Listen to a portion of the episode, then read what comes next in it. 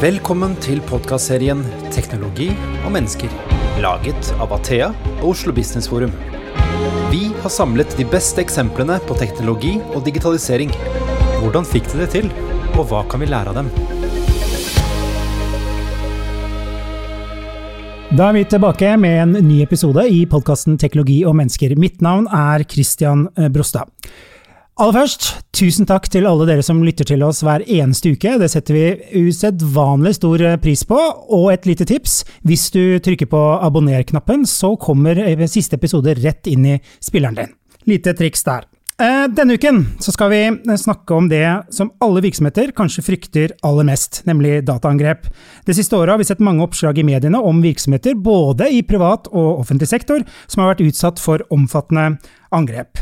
Hvis du dykker ned i tallene, så eh, kan man bli litt skremt. Jeg har eh, funnet to tall her. Eh, sikkerhetsselskapet Checkpoint registrerte i fjor over 500 angrep i uka. Helt sykt. I USA så rapporteres det at det har vært over en million angrepsforsøk med krypteringsvirus mellom 1.1 og 12.11. Så det er massive tall. I denne episoden så skal vi snakke med et selskap som opplevde at deler av virksomheten virksomheten gikk i svart den dagen hackerne angrep. Ukens gjester Karianna Fiskvik, teknologidirektør i Nordic Choice Hotels, og Bente Hoff, avdelingsdirektør i Nasjonal sikkerhetsmyndighet. Velkommen til dere. Takk for det. Takk for er formen bra? Det er vel sånn stolt! formen er kjempebra. Ja. Det er nydelig. Eh, jeg tenkte vi skulle starte med deg, Karianna. Eh, eh, hva skjedde egentlig natt til 2. desember i fjor? Uh, ja, nei, det som skjedde var vel at jeg var på vei, uh, vei, til å legge meg. Og så så jeg at det begynte å pipe på telefonen, og så er jeg egentlig ganske flink til ikke å jobbe på kveldstid. Jeg måtte lære meg det gjennom et langt liv. Men det ga seg ikke. Uh, så ringte telefonen, og så, så, var det da vår infrastrukturpartner som hadde funnet ut at nå skjer det noe rart der. Da hadde krypteringen startet. Sånn at uh, det var vel ca. kvart på ti eller noe sånt, og jeg var ganske trøtt, så jeg skulle legge meg rett etterpå, så de ringte meg kvart, kvart på elleve. Ja. Uh, så da var det å bare begynne å samle sammen egentlig først et uh, lite task force til å forstå hvor hva, hva, er det som skjer, er det, er det, stort, er det ikke stort, er det, er det en storm i vannglass, eller er dette virkelig alvor? Og det var jo virkelig alvor. Så da hadde vi et team som jobbet gjennom hele natten med kartlegging og kutte internett-access. Eh, og så var det full kriseberedskap eh, i gang hos oss da neste morgen. Hva, hva var det første du tenkte? Ja, hva var det første jeg tenkte? Jeg tenkte vel for å være helt ærlig, at dette kan jo nesten ikke altså det kan ikke være sant. Det kan ikke være sant at etter to år med pandemi så får vi dette på toppen, liksom. Det var nok noe av det første jeg tenkte. Og så tenkte jeg at det er sikkert ikke så alvorlig som de sier. Uh, det er for så vidt noe man lærer seg tror jeg, kanskje gjennom et langt liv i IT-bransjen. At når noen ringer og sier at det er krise, så er det som regel ikke krise. Men det er veldig vanskelig for den som opplever det. Men denne gangen så var det jo virkelig krise. Eh, den følelsen eh, av, å, av, at dette skjer, for eh, i mediebildet så er jo dette omtrent ukentlig, hvor vi hører om eh, selskaper da, og kommuner eh, som er utsatt for dette. Hva, hva gjør det med organisasjonen? Uh, ja, hva skal jeg svare på det, på en måte. Med, med, oss så var det jo Jeg tror det, det første var jo sikkert noe som alle opplever, at det er litt sånn sjokk. Selv om du leser om det, så tenker du jo aldri at, at, det, at det skjer meg, som med all type kriminalitet, liksom. Så er det jo gjerne noe som skjer andre. Mm. Så det var nok en blanding av sjokk uh, og, og, fortvilelse. det var ikke så mye sinne i begynnelsen, det kom nok mer etter hvert. Eh, I vår organisasjon så er det jo det er en veldig god kultur i organisasjonen, sånn at det som skjedde hos oss, uh, var egentlig veldig imponerende. Det, det kom en sånn fighter-on over hele organisasjonen på at nei, vi nekter, vi skal ikke la oss knekke av dette heller. Uh, den kriseteamet første morgenen den torsdagen var jo da primært konsernledelsen og kommunikasjonsteam og tech. Eh, og det var liksom, det var ingen som var sinte på hverandre, ingen som pekte fingre, ingen som hylte 'hvordan kunne dette skje', og 'du burde forhindret dette'. Det var veldig tydelig, Torgeir var tydelig på at uh, dette har vi ikke fortjent, men vi skal fikse dette også. Uh, og den kulturen tror jeg var hovedårsak til at vi liksom klarte å reise oss så fort. For det Når, når liksom øverste ledelse setter det som eh, det er her vi legger lista, så går det ut i hele organisasjonen, og alle hjalp til. Og, og det, Bente, eh, dette kan jo ramme alle. Mm, det kan det. Og eh, de som står bak det her, eh, er jo ikke nødvendigvis sånn at de peker seg ut et konkret mål de er på jakt etter heller. At det kan være veldig tilfeldig. Og sånn sett så kan det ramme absolutt alle. Mm. Og det er jo veldig gjenkjennelig fra det vi opplever, altså det som jeg forteller her. med både denne overraskelse eller sjokket man får til å begynne med, og at hele virksomheten uh, da må involveres. Og at selv om man har tenkt på det før, så har man kanskje ikke tenkt skikkelig på det, så det blir en overraskelse og uforberedt når det først skjer. Mm. Og jeg leste jo historier i medium at uh, dere skrev uh, jeg, bookinger på veggen og gud vet hva dere drev med. for det. Hva, hva, var det konkret som ble lammet, hva er det som sluttet å virke? Uh, nei, altså i, det, i, praksis så var det jo uh, Det var jo vi i tech-avdelingen som egentlig kuttet hotellene av fra alle systemene. Mm.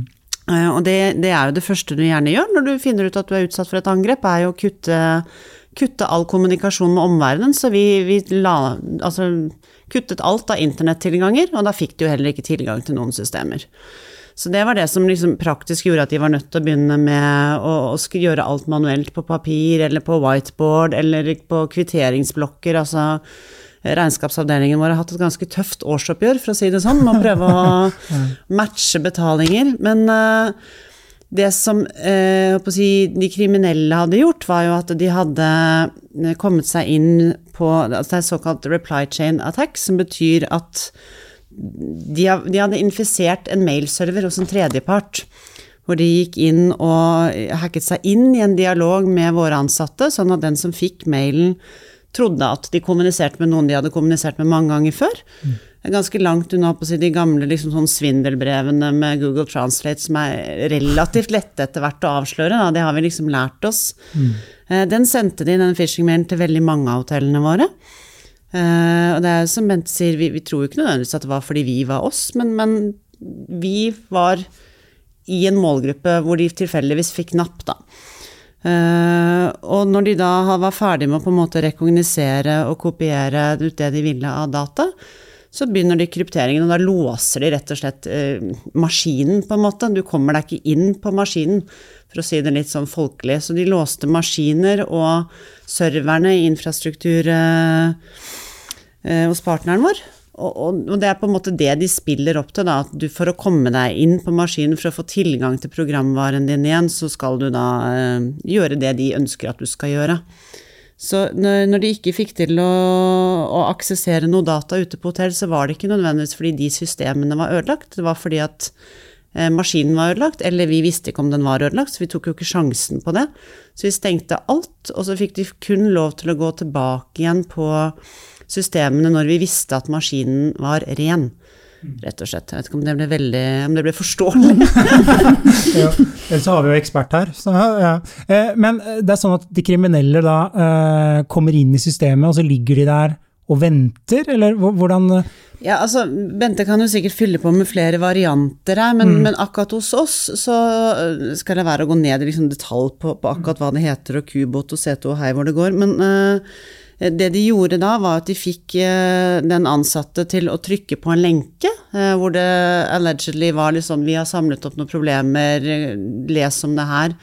Og når de trykket på den lenken og åpnet den i Excel, så kjørte de noen makroer, og sånn begynner de å jobbe seg bakover. Det første de gjør, er egentlig å bruke kjente sårbarheter. Oss så var det en kjent Windows-sårbarhet som de utnyttet til å skaffe seg Eh, administrasjonstilgang i systemet, så bruker de egentlig helt vanlig metodikk, akkurat det samme som vi bruker for å styre systemene. Mm. Til å jobbe seg bakover og bakover og bakover og bakover inntil de har liksom total kontroll på at de kan styre alle systemer.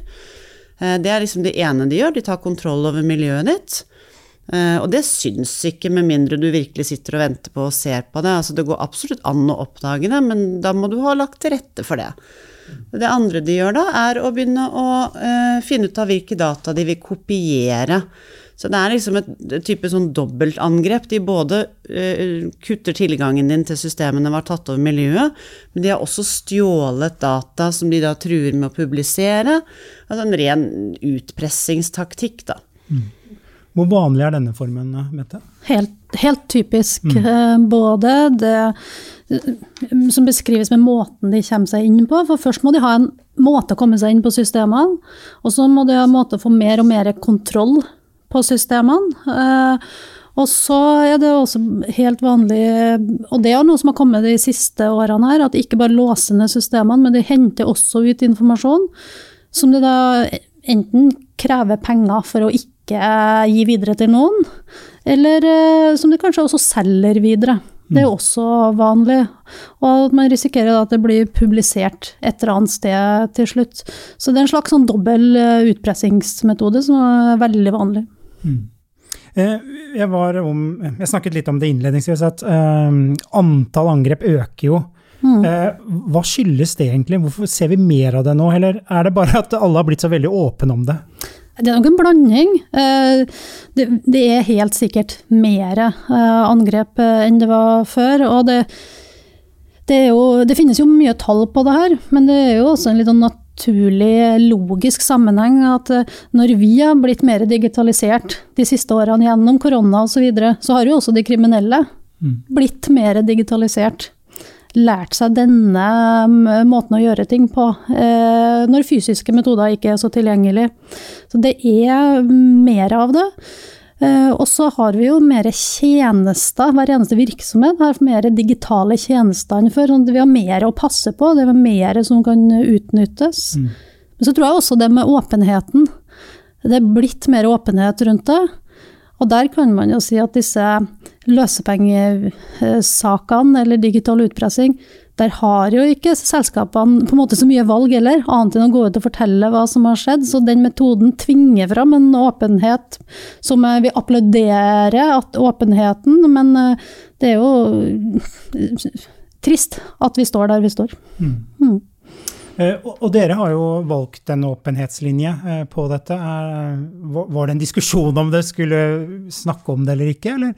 Eh, altså, vi har jo hatt løpende dialog med, med kommunikasjonsteamet hos oss på, på hvordan vi skal håndtere det, men det er klart det var jo nytt for dem også. Nå har jo vi som selskap en veldig åpen profil i utgangspunktet, så for oss så var det veldig naturlig å være åpen om dette også. Og, og så var vi jo veldig tidlig i det møtet, det var egentlig aldri noen diskusjon om liksom, skal vi betale, skal vi prøve å skjule det, vi var alle enige om at dette har skjedd. Eh, Det er forferdelig, men det er det som har skjedd. Vi skal ikke bidra til at de kriminelle fortsetter med dette ved å betale dem penger. Og vi skal snakke om det, sånn at flest mulig andre kan lære av det vi har, eh, har opplevd. Så det var aldri noe, noe spørsmål rundt det å være åpen, men det vi kanskje har lært litt, eller i hvert fall som kom som en overraskelse på meg, som egentlig ikke har liksom mediekommunikasjon som fag, da, var jo både interessen det, og, og hvor raskt det ble plukket opp liksom sånn eh, deler av media, spekulasjoner i liksom hva vi hadde gjort galt, sånn at det å være åpen ble plutselig vanskelig fordi eh, du blir sånn, ok, men får vi omdømmesvikt av dette her? Burde vi ikke ha sagt noe? Mister vi kunder? Eh, og, det har vi jo diskutert mye i etterkant, at vi en ikke var helt forberedt på, vi hadde ikke tenkt over det. Eh, og også det problematiske rundt, rundt måten man snakker om dette på, da. Fordi at så fort det blir en sånn Jeg skal ikke kalle det heksejakt, for det var vi virkelig ikke utsatt for, men, men jeg har jo sett andre selskaper bli utsatt for sånn Dere burde ha gjort dette, og det var helt åpenbart at dere har vært eh, dumme i forkant. Det gjør jo at det er vanskelig å være åpen om det, og hvis vi ikke kan være åpne om det, så kan vi jo heller ikke sammen slåss mot det. Så det syns jeg er litt problematisk. Jeg vet ikke hva dere tenker, Bente? Ja, nei, vi, åpenheten er veldig eh, viktig, eh, sånn at man kan stå sammen om og også at andre vet hvordan de kan beskytte seg, og en eh, ja, eh, alminneliggjøring i den grad eh, man kan si det, da, på å dele informasjon om det her. Så er vi, er vi litt opptatt av at det ikke alltid man må være åpen med en gang. Akkurat når du står i det med den verste stormen, så er det ikke sikkert at det er riktig tidspunkt å gå ut med absolutt all informasjon. Men spesielt sånn et, i ettertid og etter hvert, at man da kan komme og dele erfaringer, er veldig viktig. Og grunnen til at jeg sier det med at det står opp i stormen, så kan det være med at man har mye med å håndtere det, men også at den som står bak trusselaktøren, kan muligens ha nytte av informasjon som blir offentlig.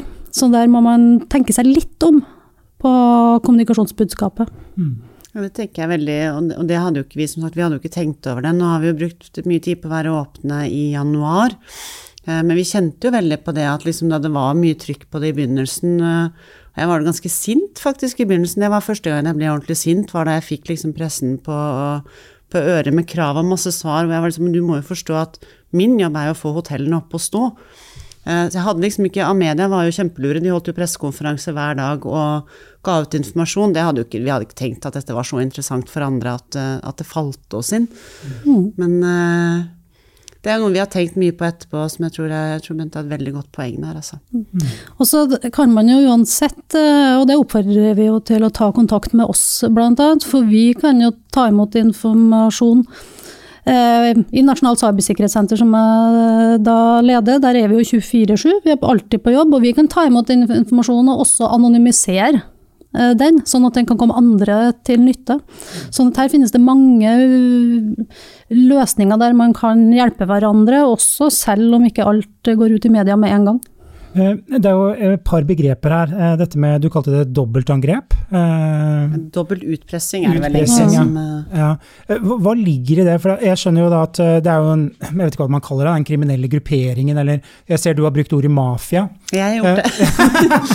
Så For de av lytterne våre som ikke da har, liksom, skjønner konseptet her, da. Bente, kan ikke du dra litt liksom, Hva er det egentlig som skjer? For det er noen dokumenter her som da pusher ut på dark web, eller hva, hvordan foregår dette? Ja, det, første leddet i det her er jo at eh, systemer eller dataen blir låst ned, mm. og så krever man penger for å låse det opp igjen.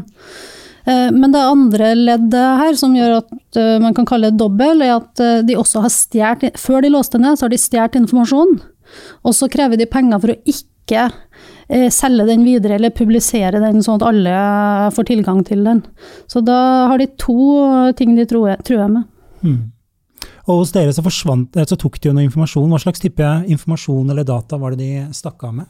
Nei, hos oss så var det mm, Altså vi, vi, har jo brukt Google i veldig lang tid, så vi hadde jo mesteparten av våre dokumenter og filer liggende i, i Google Workspace.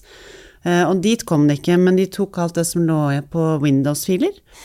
Uh, ute på, på klienter og servere, så det var jo i all hovedsak hos oss betydde det at de fikk tilgang til en del sånn interne driftsdokumenter. Mye av det var helt sånn Altså det var en reiseregningkopi, eller det var eh, altså sånn planlegging av denne fest Ting som egentlig ikke var veldig viktig. Mm.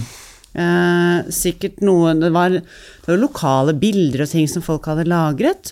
Eh, og så var det en del HR-data, rett og slett. Det var data om våre ansatte, og det var det som gjorde vondt for oss. Eh, som jeg sa til ja, nå husker jeg ikke akkurat det var vel E24, det var ikke noe forretningskritisk. Det var ikke noe som gjorde at vi følte at vi liksom Våre hemmeligheter om hvordan vi skulle drive forretning, ble lekket. Eh, men det var svært tungt for de ansatte som både liksom eh, hos oss da har stått i en pandemi og krise i to år allerede, var kjempeslitne uh, usikre på framtiden, så fikk de dette å måtte jobbe manuelt og døgnet rundt og var helter uh, i å både liksom Plutselig ble de tekniske eksperter for å konvertere maskiner, samtidig som de tok seg av de gjestene. Altså de gjorde en kjempejobb. Mm. Og så var det i tillegg liksom informasjon om dem som ble lekket.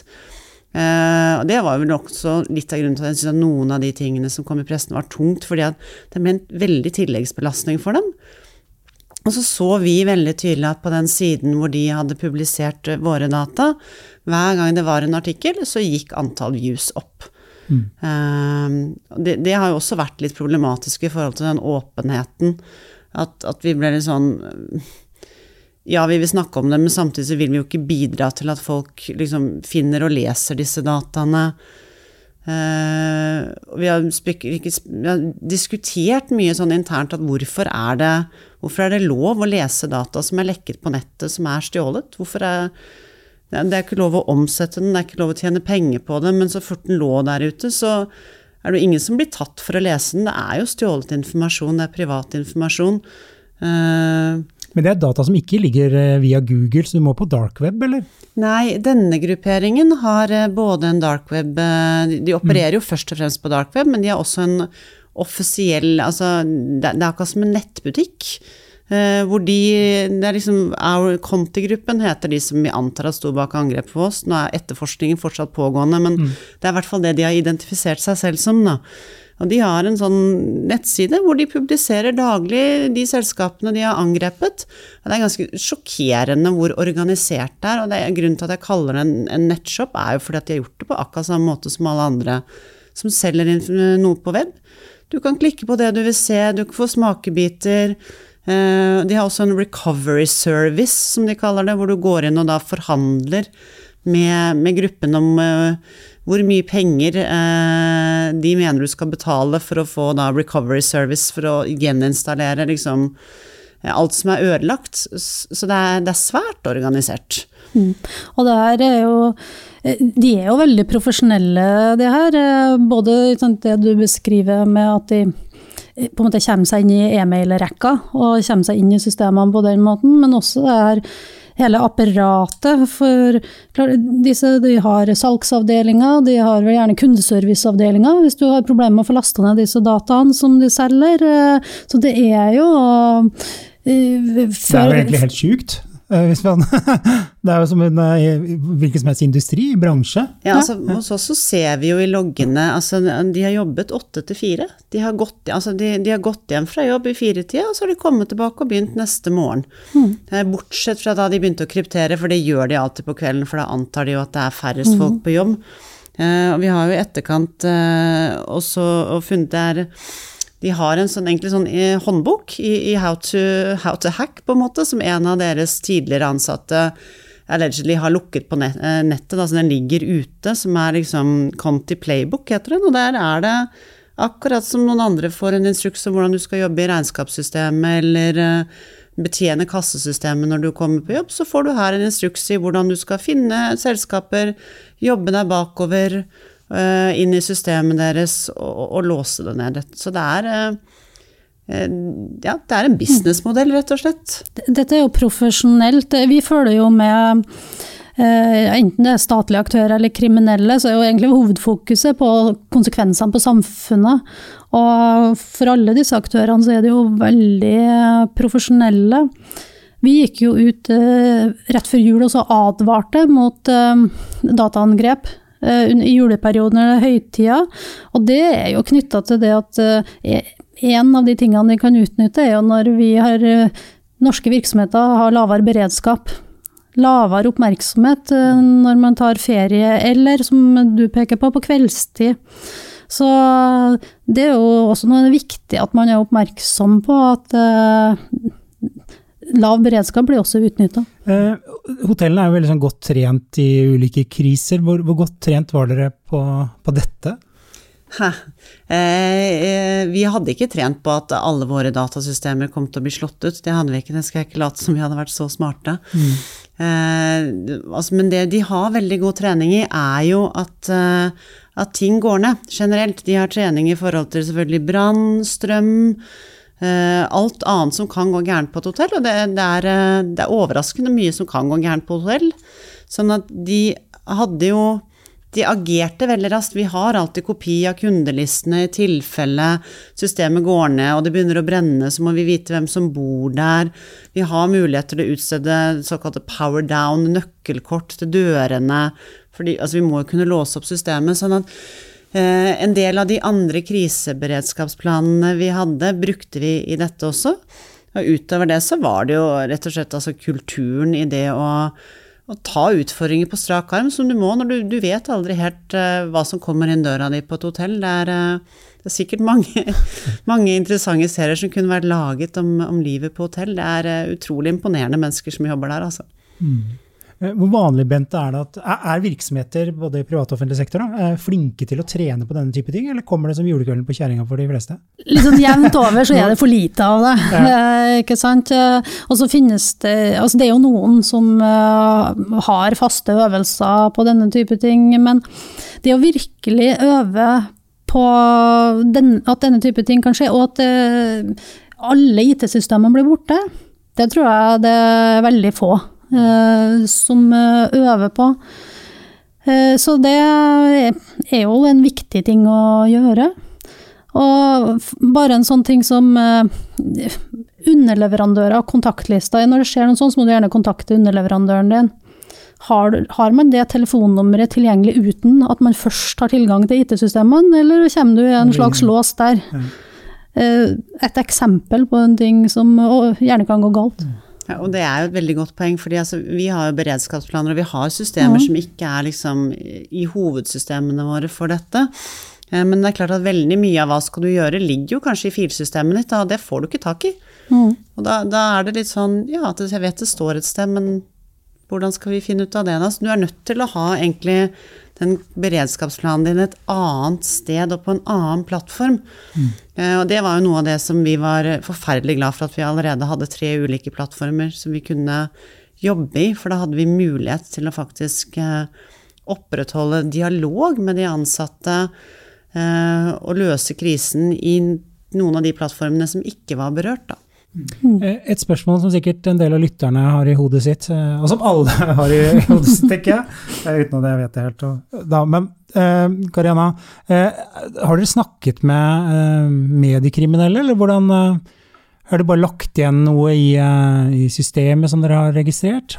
Nei, altså det denne grupperingen gjør, er at de legger igjen en en såkalt readme-file. De legger ut på skrivebordet på, på din maskin. Så, altså de låser alt, så ligger det en fil som du åpner, og der står det For oss så sto det liksom sånn All your files are currently encrypted by Contistrain, og hvis du ikke vet hva det er, så kan du google det. Eh, som også er litt sånn når du leser det, så blir du litt sånn paff, liksom. Det føles litt som en sånn dårlig kiosklitteraturnovelle. Eh, og så er det veldig sånn, du ikke prøv å få tilbake dette selv, da blir alt ødelagt og det blir enda verre. Akkurat som et sånn klassisk utpressingsbrev. Eh, og så eh, legger de igjen, i denne casen, en lenke til eh, et sted på dark webs hvor du bruker en såkalt Tor-browser, som er tilnærmet umulig å spore hvem det er som gjør hva på. Da. Eh, og der ønsker de at vi da går inn og starter forhandlingene, og den lenken er da til denne recovery servicen, som de kaller det. Uh, vi, for oss var det aldri et alternativ å gå som, i dialog med dem i det hele tatt. Vi, eh, som jeg sa i stad, så ønsker vi ikke å bidra til at, at det lønner seg, at de, at de opprettholder denne type virksomhet fordi at de får penger. Jeg så ikke at vi hadde noe som helst å tjene på det. Vi var relativt sikre på eh, at vi måtte ut med alle pengene for å bygge opp systemene uansett. Eh, all erfaring vi i hvert fall hadde tilgang til, tilsier det. At den eh, softwaren er ikke bygget for å rulle tilbake, så selv om du betaler, så må du rydde opp. Eh, og i tillegg så Ingen tror på at de dataene ikke var kopiert og solgt allerede, liksom. Så det, det var jo ingenting å hente. Og det som vi også har sett i veldig mange sånne caser, er jo at når du først har betalt én gang, det er derfor jeg har kalt det mafiavirksomhet, så gjør de jo akkurat det som mafiaen har gjort i alle år. Da må du fortsette å betale for beskyttelse. Altså, du, du blir liksom låst inne. Og vi har jo hørt av andre eksperter eh, at, at de kan komme etter flere år til og med med data som du ikke visste at de hadde kopiert. Så vi har ikke vært i kontakt med dem, men vi fant til vår store overraskelse at eh, noen har klikket på den lenken og hatt dialog med dem eh, 20.12., tror vi det var. Ca. tre uker etter angrepet. Vi aner ikke hvem det er. Eh, vi har heller ikke brukt veldig mye tid på å prøve å finne ut av det, fordi hva skal vi med det? Vi ser at eh, den personen har nesten hatt en litt sånn ertete dialog med dem og bedt om en taste og lagt på sånn smile-emoji. Egentlig litt sånn litt merkelig. Eh, Det har vært spekulert i at dette har vært våre partnere som prøvde å få ut informasjon. Det er det ikke. Vi vet ikke hvem som har gjort det, men det var jo interessant å se at de ville ha fem millioner dollar av oss for å eh, gjenopprette systemene. og eh, Heldigvis så har det faktisk ikke kostet oss så mye, så det hadde vært mye dyrere. Men man ser også i den dialogen at de tror at de har låst alle heisene våre. De tror at de har gjort mye med skade enn det de faktisk gjorde, da. Hvor vanlig er det å betale løsepenger? Det har vi egentlig ikke noe tall på. Mm. Uh, men uh, det er jo noen få som har gått ut og sagt at de gjør det, og andre ganger så, ser, så forstår vi at det har skjedd. Men det har vi ikke noe tall på. Men vi anbefaler jo ikke at man gjør det, og jeg syns det er godt argumentert fra Karianna her. For det ene, det ene opplagte er at man er med på å understøtte kriminelle handlinger ved mm. å gjøre det. Men man har egentlig heller ikke noe garanti for at det løser problemet. De, for man trenger å være sikker på at det er helt ute av IT-systemene, eller så kan de egentlig bare skru på den uh, krypteringa når som helst igjen.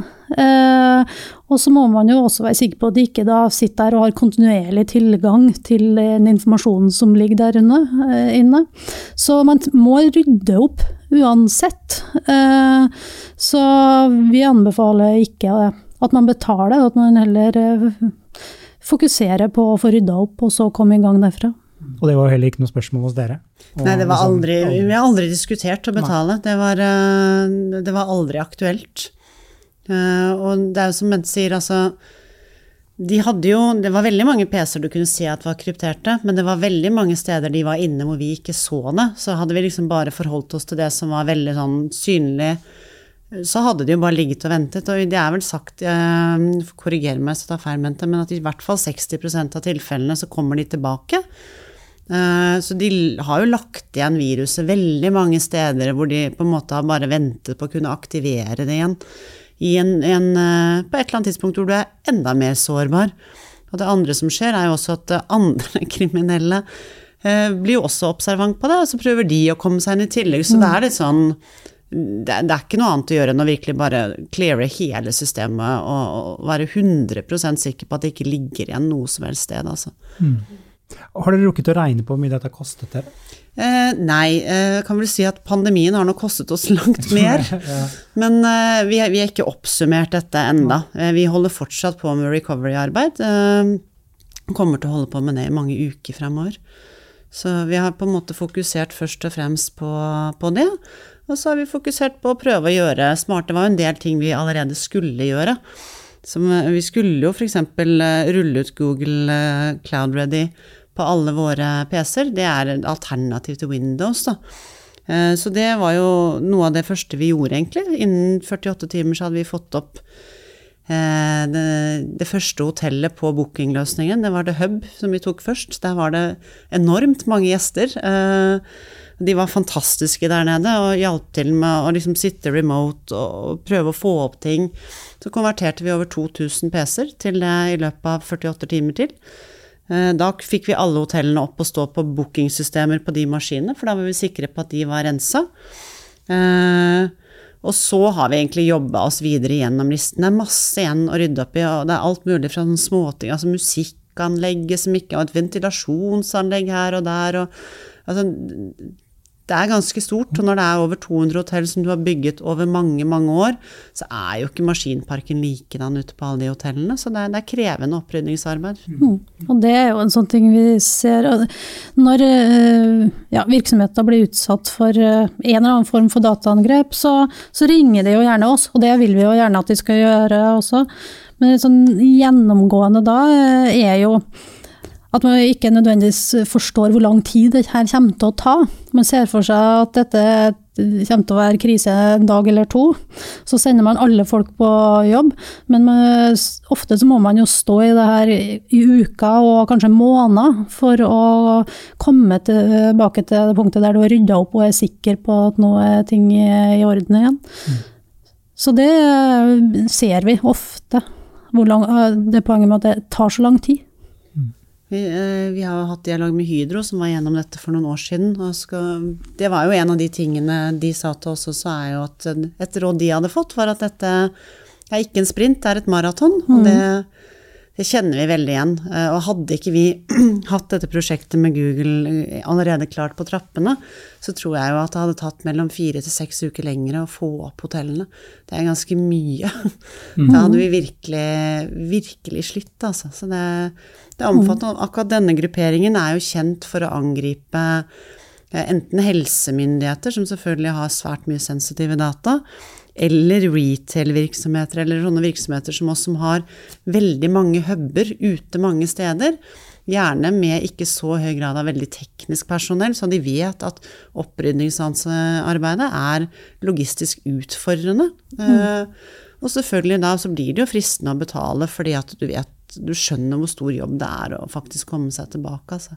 Et råd vi gjerne gjør, da, gir, er jo at man tilknytter seg hjelp, rett og slett, og ikke forsøker å gjøre alt sjøl. Blant annet så kommer man til å slite ut eh, folkene sine ganske raskt. Eh, så jeg vet ikke hvordan det var for dere, men det er ikke så mange selskap som egentlig har krefter til å stå i det her uten hjelp, så det er lurt å tenke på med en gang hvis man blir utsatt for det. Ja, vi tenker jo litt sånn, eh, altså det å ha en SOC Security Operation Center-partner, er, det er jo lurt både for å forhindre at dette skjer, så er det veldig, veldig smart, eh, men også når det skjer, å ha en profesjonell partner til å hjelpe deg både med å finne ut av hva skjedde, eh, hvor er skaden, hvordan skal vi rette det opp og få det rettet opp? Det hadde ikke vi hatt sjanse til å gjøre på egen hånd med liksom én eller to sikkerhetsansatte.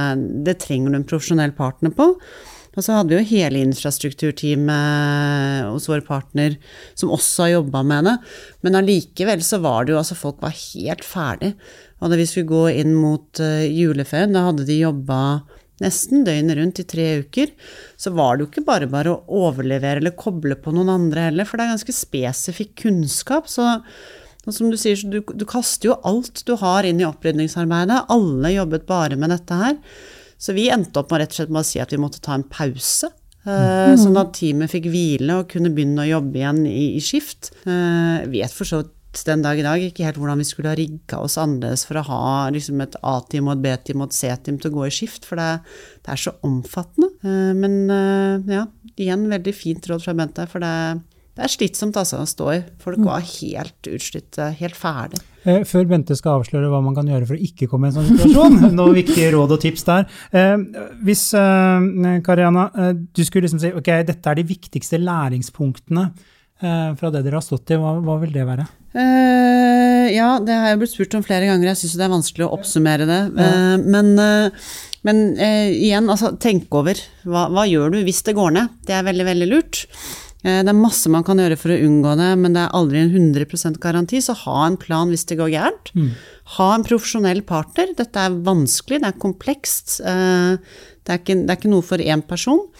Vi er jo også slår et lite slag for å ha mer enn én plattform, sånn at dersom den ene blir angrepet, så kan du jobbe i andre plattformer, da. Uh, og så tenker jeg Det finnes veldig mange veldig gode råd på både passord, multifaktor, segmentering og sånn. Uh, vår tanke har vært litt sånn at istedenfor at vi skal gå ut og rådgi folk på hva de skal gjøre, så er det heller det å ha en, ha en, god partner som kan gå gjennom deres nettverk sammen med dere og sette det opp og rådgi dere på hva dere skal gjøre. Og så er det dette med kultur, da. Vi kommer jo stadig tilbake til det. Men det å ha liksom en god kultur i utgangspunktet, som gjør at når, når, en krise oppstår, så blir det Det som veldig ofte skjer når det er krise, er at folk blir redde. Da blir de sinte, og så blir man uvenner, og så er det utfordrende å løse ting. Så det å ha, jobbe kontinuerlig med god kultur i et selskap, ikke drive med blame game, hjelpe hverandre, er key til å faktisk evne å løse det, tror vi. Ja, for det er jo sånn stort sett, uansett hvor tech-kompetanse-heavy man er i en organisasjon, så er jo egentlig den ansatte det svakeste leddet, da. Det kommer via ja, mail. Og sterkeste. Og sterkeste, ja. Ikke sant. Ja. En fin måte å se det på. Bente, nå skal du komme med rosinen i pølsa. Ja. Hva, eh, for å unngå dette, da. Eh, man, hvordan bør man angripe dette, sånn at man ikke kommer i en sånn situasjon? Ja, jeg skulle ønske at jeg hadde en sånn lett silver bullet som eh, løste det, men det er i hvert fall viktig at Altså, det er ikke noe sånn hokus pokus på en måte. Vi vet hva som er de tiltakene som virkelig stanser aktørene fra å komme seg inn på systemene og gjøre det her. Eh, vi har laga noe som heter NSMs grunnprinsipper for IKT-sikkerhet, som eh, vi ser er veldig effektive. Vi har ikke sett noen dataangrep ennå som ikke ville ha forhindra eller skadebegrensa det. Mm. Men det betyr ikke at det er lett å la, få alt det her på plass og ha det på plass til enhver tid. Det krever mm, kompetanse og krefter og strukturert arbeid over lang tid. Så der støtter jeg jo det rådet om å eh, skaffe en profesjonell eh, leverandør som følger disse prinsippene, og som gjør det, for de færreste bedrifter er store nok til å være profesjonell nok på det her sjøl. Både det å skape den motstandsdyktigheten i forkant, men også håndtere det når det først skjer. Eh, og så er det jo noen av disse grunnprinsippene og rådene som hver enkelt av oss kan tenke på. Da. Og det er jo sånne enkle ting som å ha gode, unike passord. Uh, sommer 2022 er ikke et passord jeg vil anbefale, f.eks. Uh, jeg tror det var 1, 2, 3, 4 og sånn, Nei, men vi må ikke gjøre det så lett for uh, disse trusselaktørene. Mm. Uh, vi må gjøre det litt hjelpe til, vi som enkeltmennesker også, og gjøre det vanskeligere. Og så er det jo sånn at moderne teknologi generelt er sikrere enn eldre teknologi. Trusselaktørene utnytter gjerne det der gamle IT-systemene som ikke passer på noe særlig lenger, og så kommer de seg inn der. Digitalisering er fint, det. ta i bruk moderne teknologi, men bare pass på at vi rydder opp også. Alt det her er jo egentlig ting som ledelse i selskap bør se på. Hvilke underleverandører velger man? Hvilken partner skal man velge på sikkerhetsområdet? Eh, bevissthetsopplæring av ansatte. Det var noen av de eksemplene som må inn på ledermøtene, inn i styrerommene. For det er ikke egentlig på de tekniske løsningene som er det sentrale her, det er de store valgene. Eh, vi nærmer oss slutten, men uh, jeg tenkte Jeg må jo stille et spørsmål. liksom, hva, hva, tenker dere om fremtiden? Tror du dette bare blir verre og verre? Eh, jeg ser på en måte ikke noen grunn til at det ikke skal bli verre. Jeg håper jo at det blir verre før det blir bedre enn etterpå. Da. Men det er jo som Bente sier, altså verden digitaliseres, og da, da kommer de kriminelle med. Og du ser jo på noen av de, hvis du liksom uh, gjør som de sier, da, googler det litt. Det er, ganske, det er ganske dyre biler de kjører rundt i, og fine leiligheter de har, og det lønner seg. Eh, og det er egentlig ganske enkelt. Du må liksom bare ha en stab som sitter der i sånn number game. Du prøver og prøver og prøver. Oi, der fikk jeg napp, ok, kjøre på den. Prøver, mm. prøver, prøver. Fikk napp, kjøre på den. Eh, vi har jo liksom oppfordret våre ansatte til å være mer eh, Eller være Nå varsler de om alt, sant, og da får jeg jo nesten litt sånn sjokk når jeg ser hvor mye som ikke er relatert til dette angrepet i det hele tatt, men bare hvor de, mye de utsettes for, alle våre ansatte hver dag. Om det er SMS-svindel eller fakturasvindel eller uh, ulike typer svindelforsøk. Så ja, jeg tror det kommer til å eskalere. Mm. Uh, og jeg har ikke noe godt svar på hvordan vi blir kvitt det, annet enn at vi vil i hvert fall ikke sponse dem og hjelpe dem å fortsette. Having said that, så har jeg full respekt for at det er en vanskelig valg å ta for alle. Altså, så det er ikke noe fra min side så har jeg ikke noe lyst til å fordømme noen som har valgt å betale. Mm. Men det, det, er veldig fint å kunne velge å ikke gjøre det. Mm. Og Bente, dere blir vel ikke arbeidsledige i NSM? Nei, eh, dessverre ikke, kan jeg kanskje si. Nei, eh, vi ser jo at det her er et område som får mer og mer eh, oppmerksomhet. Og også den åpenheten som Choice viser her, bidrar jo til det, så det er veldig bra. Vi ser også at det er mer fokus på det i norske virksomheter. Men så vet vi også at alle disse tiltakene som er på plass, enten det er å velge riktig underleverandør, eller få på plass tekniske tiltak, eller få opp kompetansen, det er ting som tar tid. Mm. Og mens de aktørene som står bak det her, de beveger seg fort, og det er mye penger i det, sånn at eh, det haster å, å ta det mer på alvor og få på plass tiltak. Mm. Jeg tenker, De gjør jo bare dette, vi prøver å gjøre mange andre ting, så de beveger seg veldig mye fortere enn oss. Mm. Så det er ikke noe vits å sette seg på benken her, i hvert fall. Men da skal vi over til vår faste spalte. Digitale vaner. Bli kjent med gjestene ved å snoke deres digitale liv. Hva gjør de egentlig på nettet? Hvilke favorittapper har de? Er det streaming eller linær-TV som gjelder? TikTok eller Snapchat? Vi spør i Teknologi og mennesker. Da skal vi snoke litt i deres private digitale liv. og Greia her er at dere får eh, to alternativer, og så skal dere velge ett av det. Og som vanlig, det er strengt forbudt å finne på et tredje alternativ. er, det, er det ok? Det er Ja, vi får se, da. Karianna henter seg vann. skal vi begynne med deg da, Bente. Mm. Eh, nettbutikk eller fysisk butikk? Nettbutikk. Har det blitt mer under pandemien? Mye mer. Mm. Å få det levert på døra, så det er deilig. Så eh, mye nettbutikk. Mm. Hva med deg? Eh, Ja, fysisk butikk, faktisk. Eh, Jeg, det kan hende det er fordi jeg jobber såpass mye med teknologi, men jeg syns det er veldig deilig å skru av skjermen, legge det bort. Jeg vil ha fysisk butikk, jeg vil ha fysisk trening, fysiske møter. Det er veldig fint å kunne få hjelp av teknologi til informasjonssøking og ting jeg ikke kunne fått tak i ellers, men definitivt fysisk og sosialt samvær.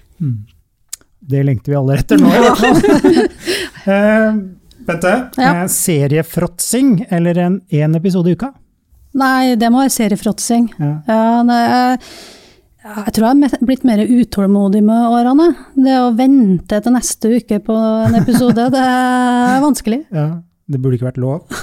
Hva med deg? Nei, der er nok jeg også. Det, det blir mest seriefråtsing, men jeg merker at det er en viss sånn glede i når det faktisk er noe som slippes som jeg liker, å, å gå og glede seg litt til neste episode. Men det er stort sett seriefråtsing, altså. Har du noen favorittserier om dagen, eller noe dere anbefaler lytterne? Ah, Guri, det ser dem så fort. Ja. Eh, Det er vanskelig. veldig- Det er vanskelig. Vi går videre. Eh, Neste. eh, Emoji eller tekst? Nå driver jeg og venner meg av emojis. Ok. Ja. Ja, jeg har forstått på mine barn at det er helt ut. Ja. Så jeg driver fortsatt med en del emojis, men jeg har forstått at det er ikke noe ungdommen gjør, så jeg forsøker å slutte. Og trikset når du bruker det, er å bruke riktig emoji. Forstår Ja, det er sant. Hva med deg, Karianne? Ah, det var ikke lov til å svare at det var kontekstavhengig. Uh, jeg, jeg skjønner at jeg, jeg, jeg var ikke klar over at emoji var ut. Nå er jeg visst blitt uh, fraløpt her. Uh, ja, tekst. Jeg er jo glad i tekst. Tekst. Med litt emojis innimellom. Uh, Nest siste her, eh, Bente. Den er jeg spent på. Instagram eller TikTok? Nei, da blir det Instagram. Instagram. Ivrig bruker. Nei, Nei. ikke det heller. Uh, Følg med, kan vi si. Ja. Hva med deg? Instagram. Jeg har en TikTok-bruker, men det er egentlig bare for å følge med på hva datteren min gjør. Ordentlig overvåkning. Uh, Siste her nå, da. Smarthjem eller bare hjem? Smarthjem. Og når jeg svarer det, så er det jo litt rart, for jeg burde kanskje vært litt mer bekymra for disse digitale løsningene og sikkerheten. Men jeg syns jo også at teknologi er veldig morsomt. Mm. Så jeg går for smarthjem. jeg. Jeg er vel egentlig helt på linje med det her også, eh, bare at jeg har jo blitt litt skremt av det jeg har vært igjennom. Så tanken på at noen kan ta havet i hjemmet mitt og låse ned alt, det er jo litt sånn ubehagelig. Men jeg også er jo glad i teknologi. Det er jo gøy å styre ting. Ja, Nydelig. Bente og Kari Anna, tusen takk for at dere kunne være med, og tusen takk til deg som har lyttet på. Du har nå lyttet til Teknologi og mennesker, laget av Athea og Oslo Business Forum. Liker du podkasten, setter vi stor pris på om du gir oss noen stjerner. Og tips gjerne en venn om podkasten.